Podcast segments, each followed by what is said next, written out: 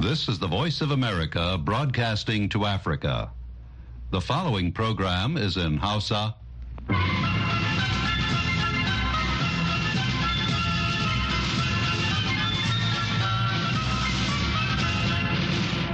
Sashen Hausa na muryar Amurka ke magana daga nan birnin Washington DC. Masu sauraro, Assalamu alaikum barkanmu da wannan lokaci. Ibrahim Kalmasi Garba ne tare da sauran abokan aiki muke farin cikin kasancewa da ku a wannan shiri na Sibahin yau Lahadi. Bayan labaran duniya za mu kawo muku shirin matasa a duniyar gizo da maimacin shirin lafiya uwar jiki da kuma nasihar Lahadi. Amma kafin nan ga labaran duniya. Jama'a Assalamu alaikum barkamu da safiya da fatan an waye gari lafiya ga kuma cikakkun labaran duniyar tare da ni Murtala Faruk Sanyin na. A jiya Asabar Prime Minister Isra'ila Benjamin Netanyahu ya ce kan cewa Isra'ila ce za ta yanke shawara da kuma ɗaukar mataki kan abin da ake buƙata na tsaronta. Yana mai mai da martani kan kakkausan suka da rashin amincewar kotun ƙasa da ƙasa kan kisan kiyashi da rusau da Isra'ilar ke yi a Gaza. Tun bayan hukuncin kotun ta kasa da kasa a ranar juma'a. Rundunar sojin isra'ila ke fuskantar matsin lamba na yin biyayya ga umarnin kotun. A cikin hukuncin mafi yawa na goma sha biyar daga cikin alkalai goma sha bakwai na kotun ta umarci isra'ila da ta kaucewa ayyukan kisan kiyashi kan falasdinawa ta kuma ƙara ƙaimi wajen taimakawa fararen hula. To sai dai hukuncin kotun bai ambaci umarnin tsagaita buɗe wuta ba. Tun da farko a jiya asabar ministan harkokin wajen isra'ila israel kates ya yi kiran da a sauya hukumar kula da 'yan gudun hijira ta majalisar ɗinkin duniya ta palestino da wasu hukumomi da ke da manufar samar da zaman lafiya da ci gaba bayan zarge-zargen cewa wasu daga cikin ma'aikatanta na da hannu a harin da hamas ta kai a ranar bakwai ga watan oktoba. A yayin kaddamar da wani bikin tunawa da yaƙin duniya na biyu a st petersburg a jiya asabar shugaban rasha vladimir putin ya kwatanta yaƙin da rasha ke yi a ukraine da yaƙin da rashar ta yi da 'yan nazi shekaru 80 da suka gabata. Moscow ta yi ta ƙoƙarin kwatanta yaƙin da take yi a ukraine a matsayin ƙoƙarin kawar da ɗabi'ar 'yan nazi a makwabciyarta ta kudanci. Duk da cewa ukraine tana da zababben shugaba ba yahude wanda ya rasa dangi a cikin mummunan yaƙin na kisan kare dangi. Ukraine ta taba zama wani ɓangare na tarayyar soviet. Kuma ita kanta ta sha wahala a hannun sojojin hitler. To sai dai ta ki amincewa da kwatancin da aka yi a matsayin dalilai da ake labawa kansu domin mamaya. Birnin st petersburg wanda a lokacin yaƙin duniya na biyu ake kiransa da leningrad yayi bikin cika shekaru 80 da kawo ƙarshen mamayar sojojin nazi ta kusan kwanaki 900 labaran na zuwa muku ne daga nan sashen hausa na muryar amurka a washington dc an tsara shugaban amurka joe biden da takwaransa na china xi jinping za su yi wata ganawa ta wayar tarho yayin da kuma aka tsara sakataren harkokin wajen amurka anthony blinken zai sake kai wata ziyarar aiki a birnin beijing a wannan shekara a daidai lokacin da ƙasashen biyu ke neman babbar hanyar diplomasiyya ta shawo kan bambance-bambance da gogayya a cikin alakar ƙasashen biyu. A ranar asabar mai ba da shawara kan harkokin tsaron amurka jake sullivan da ministan harkokin wajen china wang yi sun kammala tattaunawar da suka shafe fiye da sawoyi goma sha biyu yayin wata ganawa ta kwanaki biyu a birnin bangkok na ƙasar thailand. Wani babban jami'in gwamnatin amurka ya ce hanyar tattaunawa ta sirri tsakanin sullivan da wang wata muhimmiyar hanya ce ta sasanta gasa da takaddama cikin mutunci tsakanin ƙasashen biyu. Jami'in ya kuma tabbatar wa muryar amurka cewa babban jami'in diplomasiyyar amurka anthony blinken zai koma beijing a wannan shekara. Najeriya ta sami tsallakewa zuwa matakin kwata final na gasar ƙwallon kafar cin kofin nahiyar afirka da ake fafatawa a ƙasar ivory coast bayan ta doke kamaru da ci biyu da nema a wasan zagaye na biyu na 'yan sha shida a jiya asabar. Ademola lukman da ke takale da ƙungiyar atalanta da ke ƙasar italiya shine ya zura wa najeriya da kwallaye biyun da suka bata nasara. Karo na uku a wasannin gasar na baya-bayan nan da ƙasashen biyu suke karawa. A ɗaya wasan zagaye na biyu da aka fafata a jiya asabar angola ta doke namibia da ci uku da nema. Hakan na nufin najeriya za ta fafata da angola a matakin na kwata final a yau lahadi kuma ƙasar equatorial guinea ce za ta kara da gini yayin da masar kuma za ta kece reni da jamhuriyar demokuraɗiyyar congo duk a zagaye na biyu na gasar.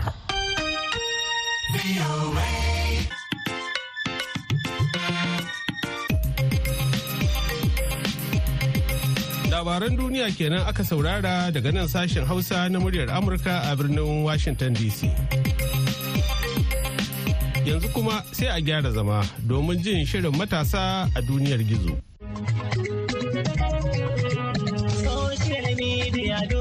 matasa da alkhairi karmiya da zamba Masu sauraro Assalamu alaikum tare da fatan ana cikin ƙoshin lafiya. Sannunmu da arzikin sake kasancewa cikin wani sabon shirin matasa a duniyar gizo. Shirin da ke taɓo duk batutuwa da suka jibanci mu'amalar matasa da kafofin da yanar gizo. Sunana Halima Abdulra'uf jagorar shirin. Maza da yamma kan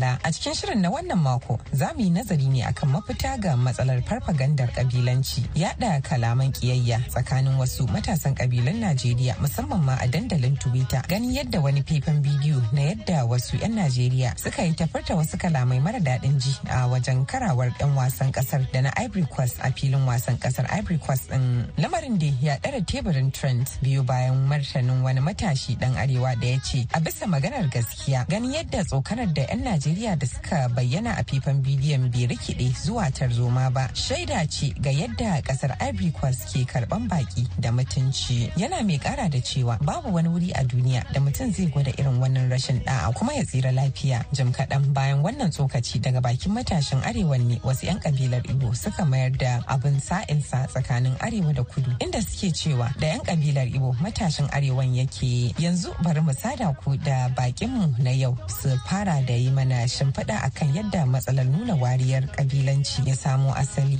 Sunana Mahmud Tunde Hassan aikin jarida da ke ma karki ji mamaki daga jin sunana Tunde yana ciki. So ni ba a haushe ba ne amma na tashi ne a cikin da Hausa suke da yawa. Maganan matasan da kika ɗauko da nake so ki sani shine sun tashi ne kusan daɗin Najeriya ba kusan abin da tushen Najeriya ba sun tashi ne a cikin kunci domin wannan matasan da kake maganan nan yan maybe shekaru goma sha biyar zuwa kaman arba'in. To duk wannan lokutan nan zuwa yau najeriya na cikin kunci. So ba san komai ba banda wannan kuncin. So haushin wannan halin da suka samu kansu da kuma yadda iyayen suka raine su da kuma babban maganan shine yadda yin siyasa suka mai da najeriya. Duk maganan da suke yi shine akan wariya akan addini akan kai dan kudu ne ko kuwa dan arewa ne ko dan yamma ne. Haka da ko a an zo maganan zaɓe akan wannan maganan ake so wannan matashin nan ba san bambancin wai wariyan nan ba abun alheri ba ne. Ba san akwai lokacin da najeriya tana cikin haɗin kai. Arewa na yin nata kudu na yin nata yamma na yin nata amma kowa ana yi kaman competition ne yanda za a ci gaba. A wani ɓangare kuma? Sunana bashir ahmad mataimaki na musamman ga tsohon shugaban kasa muhammadu buhari akan sabbin kafafen yada labarai. To ƙwarai wannan makala abu ne da aka daɗe ana tattauna shi. Kuma a kullum zan iya cewa ana ana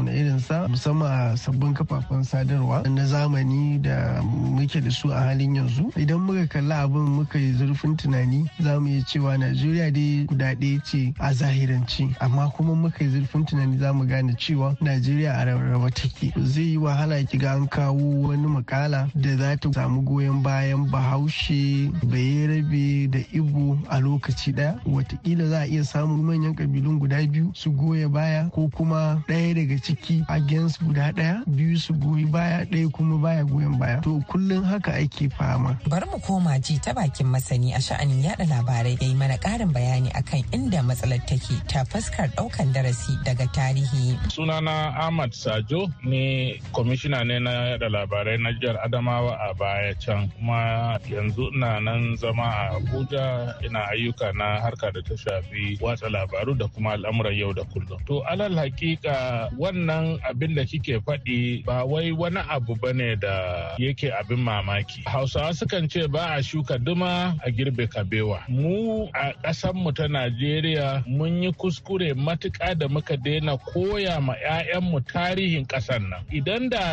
matasan nan sun san tarihin ƙasan nan namu da abubuwa da suka faru a baya da illan irin wannan abubuwa da ƙiyayya da zaman doya da manja tsakanin kabilunmu ya jawo musamman kabilar ibo da kuma al'umman arewa. Da matasan nan sun sani wallahi da za su yi wa kansu kiyamun laili. In kin lura za ki ga cewa mafi yawan lokuta akwai haɗin kai kyakkyawa a tsakanin shugabanni a sama. Amma a tsakanin talakawa ne ake wannan kace nace da kuma dambaruwa. Talakawan kuma ba wai talaka wanda bai da komai ba. Hatta mu da ya kamata a ce mu mun yi karatu kuma muna da ɗan galihu. Zama lafiya ya mana wuya. Saboda shugabanninmu har kullum suna mana irin huɗu ce ta cewa mu rarraba kawunan mu saboda ai wane na cutan wane wane na cutan wane yawanci idan kika bi diddigin dambaruwar ba ta da alfalu. Madalla yanzu ina mafita malamai. Ni ana ganin mafita shine a ce na farko wayannan matasan nan su san wai tun da ake maganin wariyan nan ba samu wani ci gaba ba su din ma su samu wani canjin rayuwarsu ba. Meaning ya kamata su come to some kind of understanding wai wannan baya taimakon su baya taimakon kasa. Wato ana bukatan faɗakarwa da kuma ilimi. Na biyu yan siyasan da wanda muke ganin su kamar wai su ne shugabanni. Ya kamata su canza yadda suke kalamu yadda suke halayensu yadda suke nuna wariya so da matashin nan za su samu abun da za su yi koyi da shi. Amma a cikin yadda ake ba su da abun koyi in ban da wariya da bambance-bambance da kiyayen juna. Ni a gani na abin da za ce wai matasan nan su tashi kai da kansu su canza wannan abun ba. So the big question is wannan shugabanni a shirye suke? To yanzu gare ka bashir. A tunani na irin abin da zai kawo ƙarshen wannan abun sai mun koma mun kalli menene asalinmu mun karanta tarihinmu mun gane cewa tsakanin arewa da kudu tsakanin bahaushe da ibo da bayerbe da sauran kabilu kowa ya ba da gudunmawa wurin kafa wannan kasa da muke cikinta a yanzu najeriya. Sai mun koma mun yi wannan karatun ko kuma an fito da shi a fili an nuna gudunmawar da kowa ya ba da kafin dukka kabilun suna ganin girman juna. Kamar abubuwan da yake faruwa a yanzu zaka ga an yi ba daidai ba amma an aka kawo ni dan kabila ta ne zan rufe idona ne na ga ciwon a daidai. So abin yana matuƙar da tasiri yanzu musamman a zukatan matasa da suke tasowa a yanzu wanda kuma ya kamata a duba wannan lamari. Musamman matasan nan su ne shugabanni da za su zo nan gaba su riƙe ƙasar nan. In da irin wannan tunanin mutum zai zo ya zama shugaban kasa. So kwai da gaske ba zai mulka ƙasar da adalci ya ce kowane ɓangare nasa ba ne so abu ne da ke da matuƙar muhimmanci manya-manya wanda suke da ƙarfin faɗa a ji musamman a su kafafen yada labaran su ƙara fitowa su bayyana tarihin najeriya. Watakila wannan ne zai iya zama mana mafita. Malam bashir ko kana da ƙarin bayani akan mafitan? Wasu suna ganin cewa mu najeriya nan tamu ce mun fi kowa ba da gudunmuwa. Wasu suna ganin cewa a'a da ba don su babu najeriya. To a haka najeriya take a yanzu musamman kuma shugabanni sun yi shiru suna ganin abin sun bashi wataƙila suna iya cewa saboda hakan yana da tasiri a siyasance. Domin ni dan kabila kaza ne na fito yan kabila ta ko na cancanta ko ban cancanta ba za su goya min baya. So wannan abin ya kamata mu kau da kai mu manta da siyasa mu kalli najeriya nan cewa ita ce ƙasar mu. Dukkan mu ba wanda yake da wata kasan wanda zai iya kiransa cewa ƙasar sa ce ba najeriya ba. So abu ne da ya kamata ba iya magana ta yau ba abu ne da kamata a kalle shi da idan basira wataƙila a fara shirya wasu saminoni da wasu mukala da rubuce-rubuce in allah ya saka aka karɓa hakan nan gaba wasu masu tasowa ba za su taso su ga irin wannan zaman doya da manja da muke a tsakanin mu ba. Bari mu sake komawa kan Alhaji Ahmad Sajo akan mafita. Lallai akwai wannan dambaruwa kuma akwai kuma rashin jituwa akwai tunanin cewa wani na cutan wani amma ni na hakikance har ga Allah babu cuta da ake mana face cuta da masu hali da masu shugabanci suke matalakawan Najeriya. To da za a iya fahimtar da matasan nan suna faɗa ne akan abin da zancen bangaranci da zancen kabilanci da zancen addini ba shi da alfalu babu ta inda ma yake taimakawa ƙasar nan wajen haɗa kanmu sai dai rarraba kawunanmu amma da ya kyautu a yi amfani da kafofin nan na yaɗa zumunta a yi ƙoƙari a fahimtar da al'amura cewa irin wannan ƙiyayya a baya ya jawo mana illa illa wanda yake da aka yi yaƙin basasa babu ɓangare da bai sha wahala ba. To idan aka yadda aka sake jefa ma cikin irin wannan hali su matasa su za su wahala. Akwai faɗi da ake yi wai idan aka yi yaƙi dattabai ne za su yi musu tsakaninsu su kawo sanadi a yaƙi. Amma matasa ke mutuwa idan aka yi yaƙi. Matasan nan su sani fa idan ba abin ya zama na tashin hankali ne babu matashin da zai tsira ko na ɓangaren kudu ko na ɓangaren arewa. Madalla rahoton bincike daga mujallar research gate ya yi nuni da cewa rashin yarda da juna tsakanin manyan kabilun najeriya baya rasa nasaba da wawura dukiyar al'umma akai-akai da wasu masu riƙe da madafun iko ke yi da rashin gudanar da mulki yadda ya kamata da kuma bakar siyasa. To masu sauraro gabaki ɗaya kuma a nan za mu kawo ƙarshen shirin na wannan lokaci. Yanzu a madadin ma'aikata da mahukuntan murya amurka ni halima abdulrauf ke mana fatan alkhairi. Mu kasance cikin ƙoshin lafiya. Bi salam. To madalla yanzu kuma sai maimacin shirin lafiya. Uwar jiki Jama'a masu sauraron mu barkanku da warhaka. Barkanku da sake kasancewa tare da mu a cikin wani sabon shirin lafiya uwar jiki tare da ni Hauwa Umar. Shirin lafiya uwar jiki na wannan mako zai yi magana ne akan cutar hepatitis da ke ci gaba da addabar mutane a Najeriya.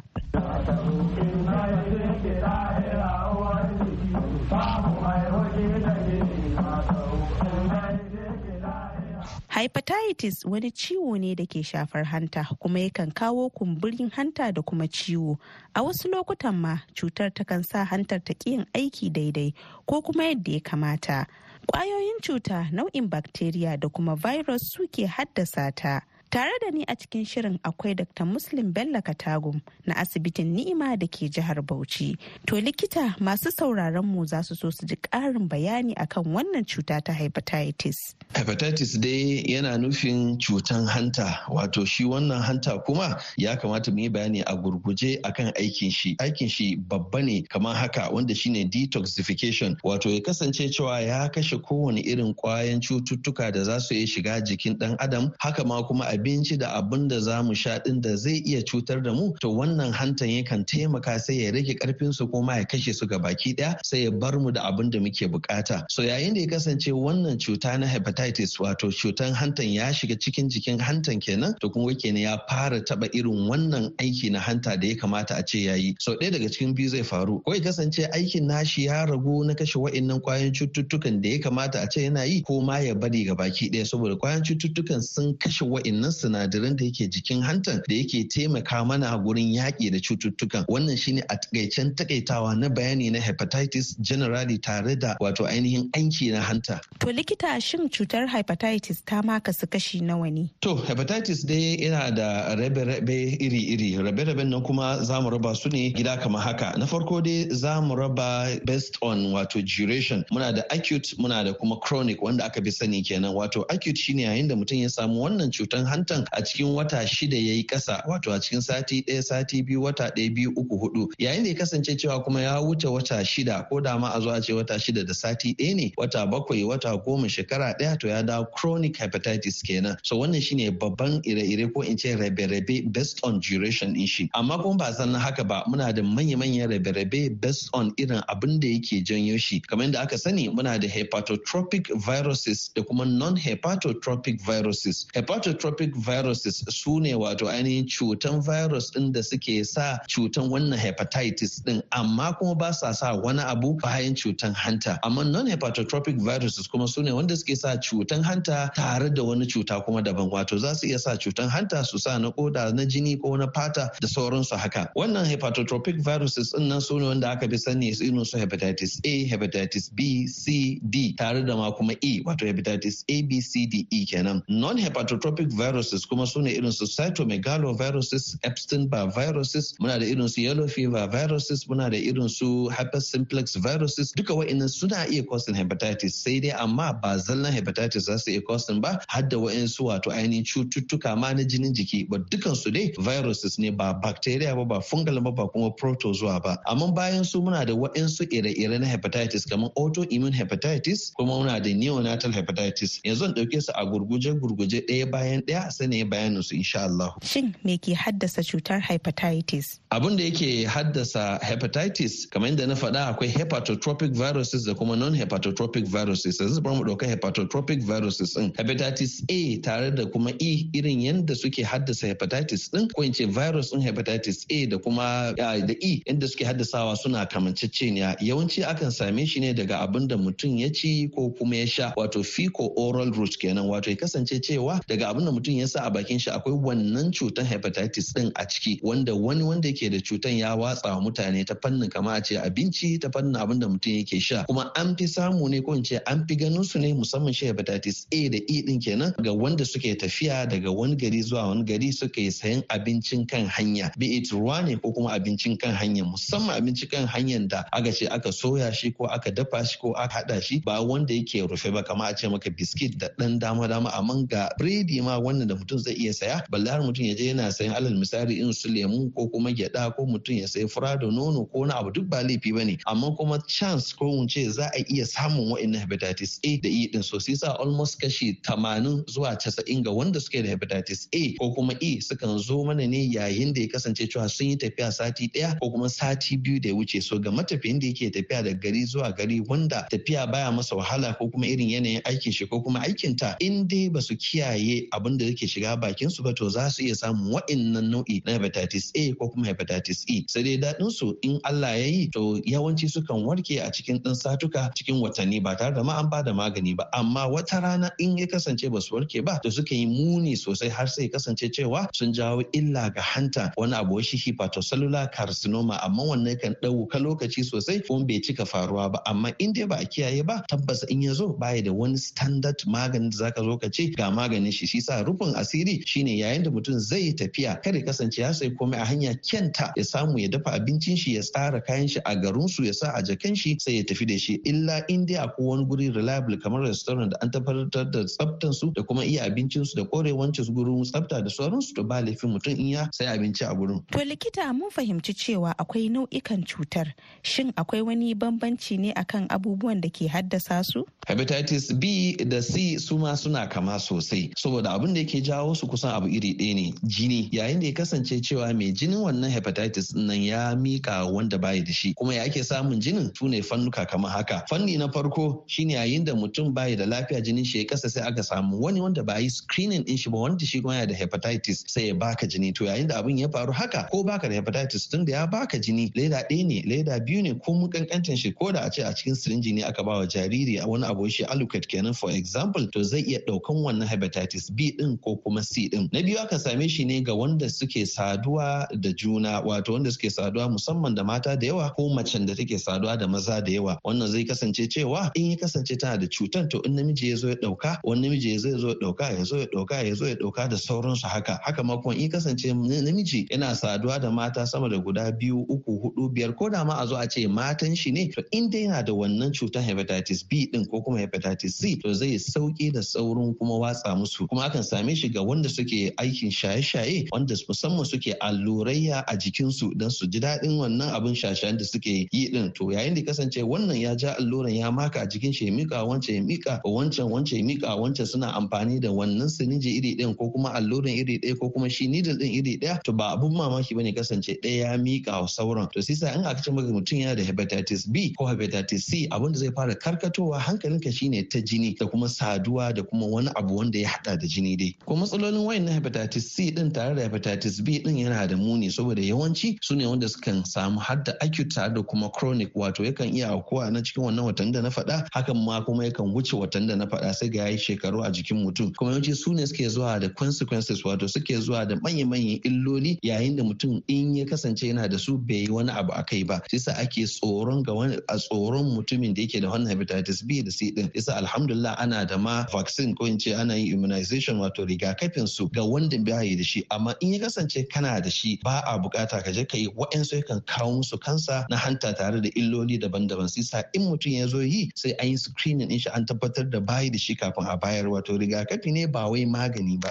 Shi kuma hepatitis D akan same shi ne yayin da mutum yake da hepatitis B wato A B C D. Ba ka samu D din ba sai kana da B. So in ya kasance cewa mutum yana da hepatitis B to ya sani cewa zai iya samun wannan hepatitis D din. Amma daɗin ta in ya kasance baka da hepatitis B ba za ka taɓa samun hepatitis D ba. D for delta B for example beta. Yayin da ya kasance mutum yana da hepatitis B ɗin nan kuma ya zo ya samu D a haɗe ana kiran su co-infection. Amma yayin da ya kasance mutum hepatitis B yake da shi zalla sai bayan wa'insu satuka ko kuma watanni ko ma shekaru ya samu hepatitis D ana kiran shi super infection. Wato kana da B kenan kuma kana da D a haɗe. Wannan abin ya nuna cewa ya fara yin muni kenan sosai. Autoimmune hepatitis kuma duk ya fi tsoratarwa a cikin su amma alhamdulillah bai cika aukuwa a cikin al'umma ba. Shi kuma ba komai ba ne yake nufi illa sashin jikinka ne da ya kamata ya kasance ya kare ka daga ɗaukan cututtuka ya kare hantanka. To shine yake kuma attacking hantanka. Wato shine yake jawowa wannan hepatitis a anta hantanka. Isa daga watan auto yana nufin automatic immune wato shi immune system ɗinka sai kasance wani abin da har yanzu ba da isasshen ilimi a kai sai shiga cikin hattan ya shiga cikin hattan sai fara sawa. Duk wasu alamu mai hepatitis da ka sani yake da shi sai shi ma ya fara nunawa kuma ya fi wahalan sha'ani saboda ba wanda ya ce maka ga standard maganin shi saboda kamar a zo a ce maka wato ainihin kamar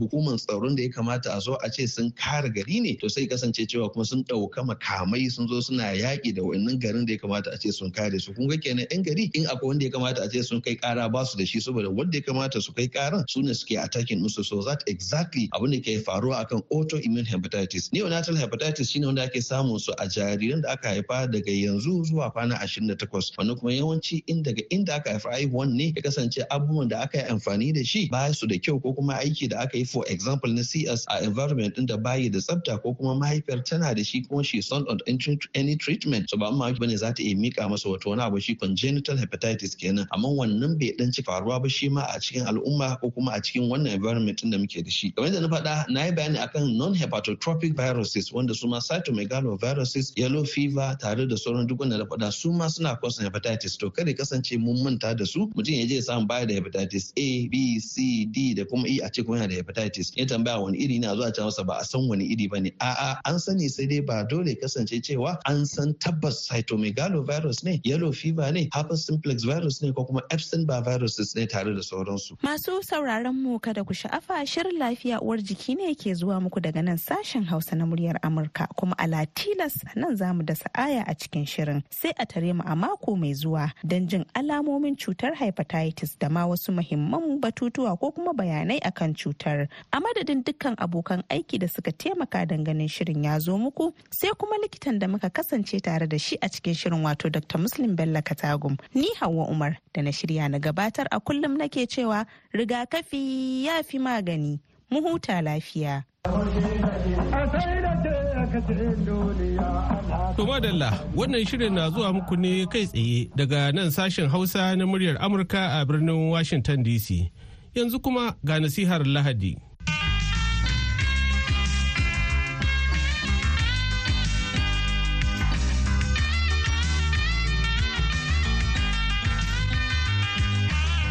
Barkanmu da sake saduwa a cikin shirinmu na nasihar Lahadi. Sunana Reverend Joseph John Hayab mai kujeran ƙungiyar Kristoci reshen jihar Kaduna. A yau za mu karanta Zabura ta 23 aya ɗaya. Zabura ta 23 aya ɗaya. Maganar Allah tana cewa Ubangiji makiyayina ne ba zan rasa komai ba. Yau nasiha mu tana koya mana da cewa Ubangiji makiyayinmu ne. Idan an ce Ubangiji makiyayi abu na farko da zai zo zuciyar mutum shine wane ne makiyayi. Makiyayi shine wani da ke lura da dabbobi makiyayi wanda yake kai dabbobi inda za su ci abinci makiyayi shine wanda yake kai dabbobi inda za su sha ruwa makiyayi shine wanda yake kai dabbobi inda za su samu abin da zai sa su ci gaba da koshin lafiya. To mu mutane Allah ne makiyayinmu. Shine babban makiyayi wanda ke lura da mu. Ko da ana cikin azaba ne idan ubangiji makiyayinmu ne ba za mu rasa komai ba. Idan ma ana cikin talauci ne idan ubangiji makiyayinmu ne zai tana da mana abin biyan buƙata. A yau a Najeriya akwai damuwa akwai wahaloli da yawa.